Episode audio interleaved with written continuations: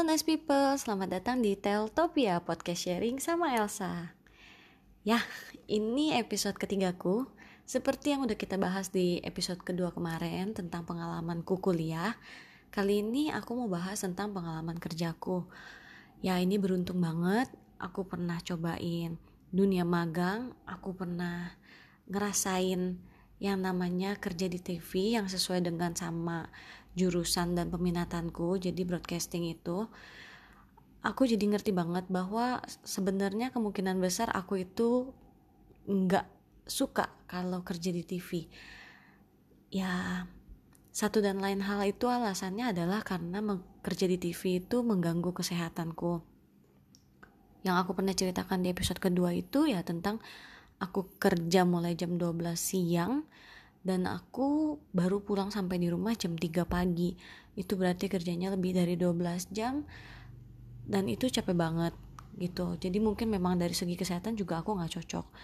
Bahkan yang aku bisa sharing di sini salah seorang senior yang udah agak lama di sana dia dengan bangga mengatakan bahwa lo itu belum jadi anak TV kalau belum kena tipes. Dan aku tuh kayak gimana? Ya mendingan sehat dong daripada jadi anak TV dalam tanda kutip ya. Tapi harus kena tipes dulu. Itu kan nggak banget. Nah jadinya berkat pengalaman magang ini aku putuskan untuk aku akan kerja di bidang lain. Aku akan cari apa yang aku suka. By the way pernah ada yang dengar istilah ejekan salah jurusan gak? Jadi kayak teman-teman kita sendiri yang kuliah tapi nilainya jelek mulu kita suka katain ah lu salah jurusan kali. Atau uh, ngulang terus mata pelajaran itu nggak lulus lulus kita kan selalu katakan lu salah jurusan. Ada juga yang udah lulus kuliah dengan baik tapi kerjanya nggak sesuai maksudnya nggak sesuai sama bidangnya kita juga akan bilang itu salah jurusan ya mungkin aja sih ini terjadi sama orang-orang yang waktu kuliah itu juga memang masih mencari jati dirinya gitu. Jadi kuliah itu bisa dibilang ngikutin kata orang. Orang tuanya bilang kuliah ini aja. Gurunya di sekolah bilang kuliah ini aja. Atau temen-temennya juga ngasih masukan kuliah ini aja.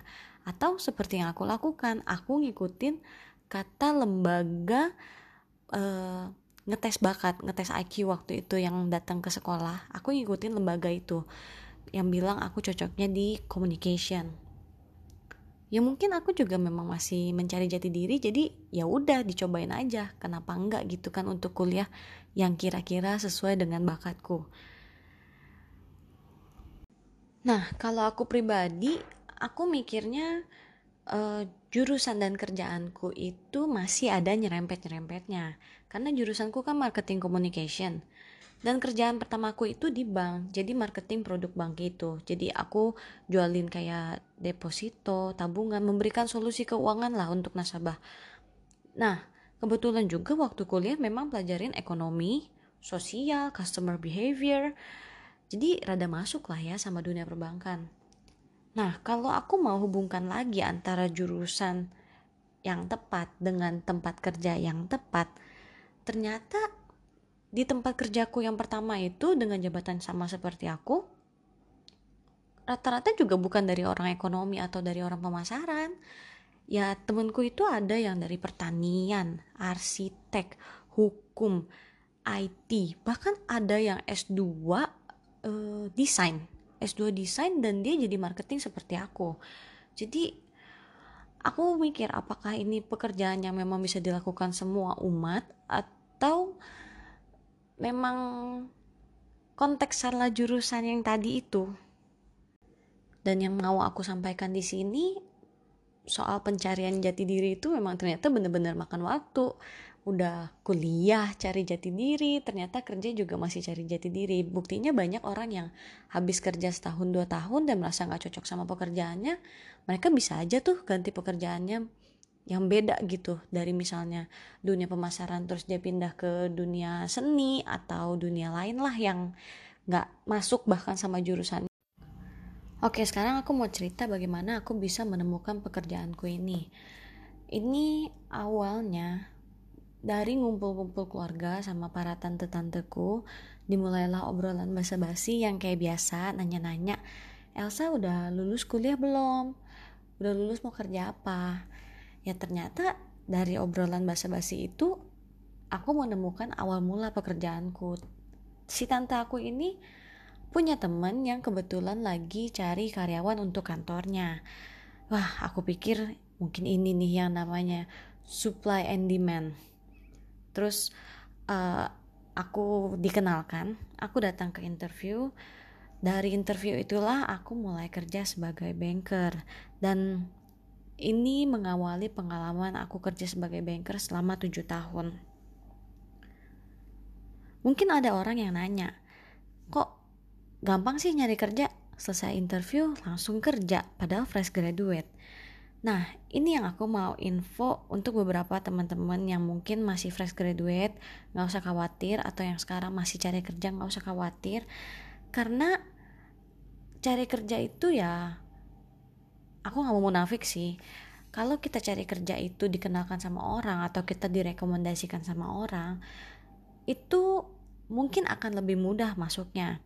Ya walaupun kita direkomendasikan, kita harus tetap yang namanya supply meet demand. Jadi kita harus sesuai dengan apa yang kantor itu harapkan. Kita harus qualified sesuai dengan kantor itu butuh orang di bidang apa sih kalau kita dianggap bisa udah pasti kita diterima. Dan sebelum aku menutup episode ketiga ini, aku mau ngasih beberapa tips interview bagi para calon karyawan biar interviewnya bisa berjalan dengan lancar dan diterima pekerjaannya ya. Yang pertama, ada kata pepatah bilang, jangan nilai buku dari sampulnya. Tapi untuk momen interview ini, please, please banget pepatah ini dibuang jauh-jauh.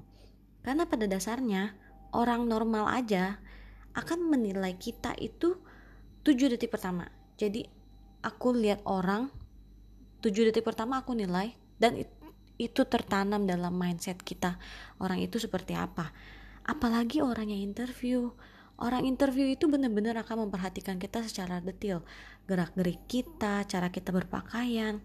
Jadi, pastikan kalau kita memang pengen diterima bekerja, kita pikirin penampilan kita. Rambutnya dirapihin, pakai baju yang rapi, nggak mesti berberek kok. Yang rapi yang penting. Rambut-rambut di muka, jenggot, jambang yang kurang bagus bentuknya bisa dirapihin atau bisa dipotong pokoknya datang interview itu jangan seadanya lah. Give the best. Kita kasih penampilan terbaik kita gitu.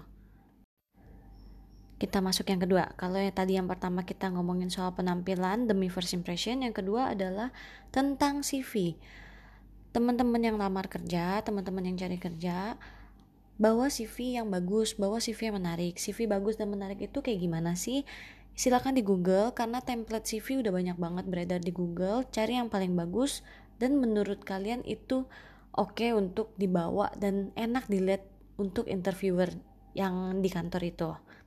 Gitu. Untuk yang ketiga ini penting banget sekarang-sekarang ini karena teman-teman HRD juga udah pada bilang udah pernah cerita juga ke aku teman-teman itu harus rapihin sosmed. Karena sosmed kalian itu seperti mencerminkan teman-teman.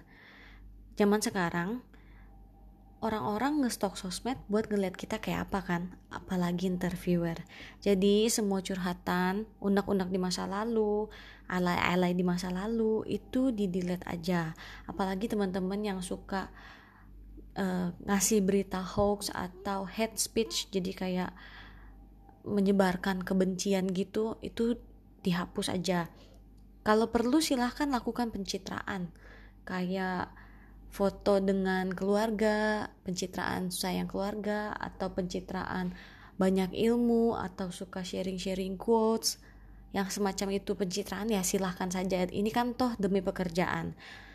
Kalau jujur ngomong, misalnya aku jadi orang yang punya perusahaan, aku nggak akan hire orang yang sosmednya itu berisi hate speech, terus berisi curhatan ya khawatir gak sih kalau misalnya suatu hari dia kerja sama kita terus dia akan curhat di sosmednya ngomongin kerjaan ngomongin atasan apalagi kalau sampai ngata-ngatain gitu jadi aku sangat menyarankan sosmed untuk dirapihkan kita masuk yang keempat yang keempat itu percaya diri. Harus banget percaya diri. Kalau kita percaya diri selama interview akan berjalan dengan ringan.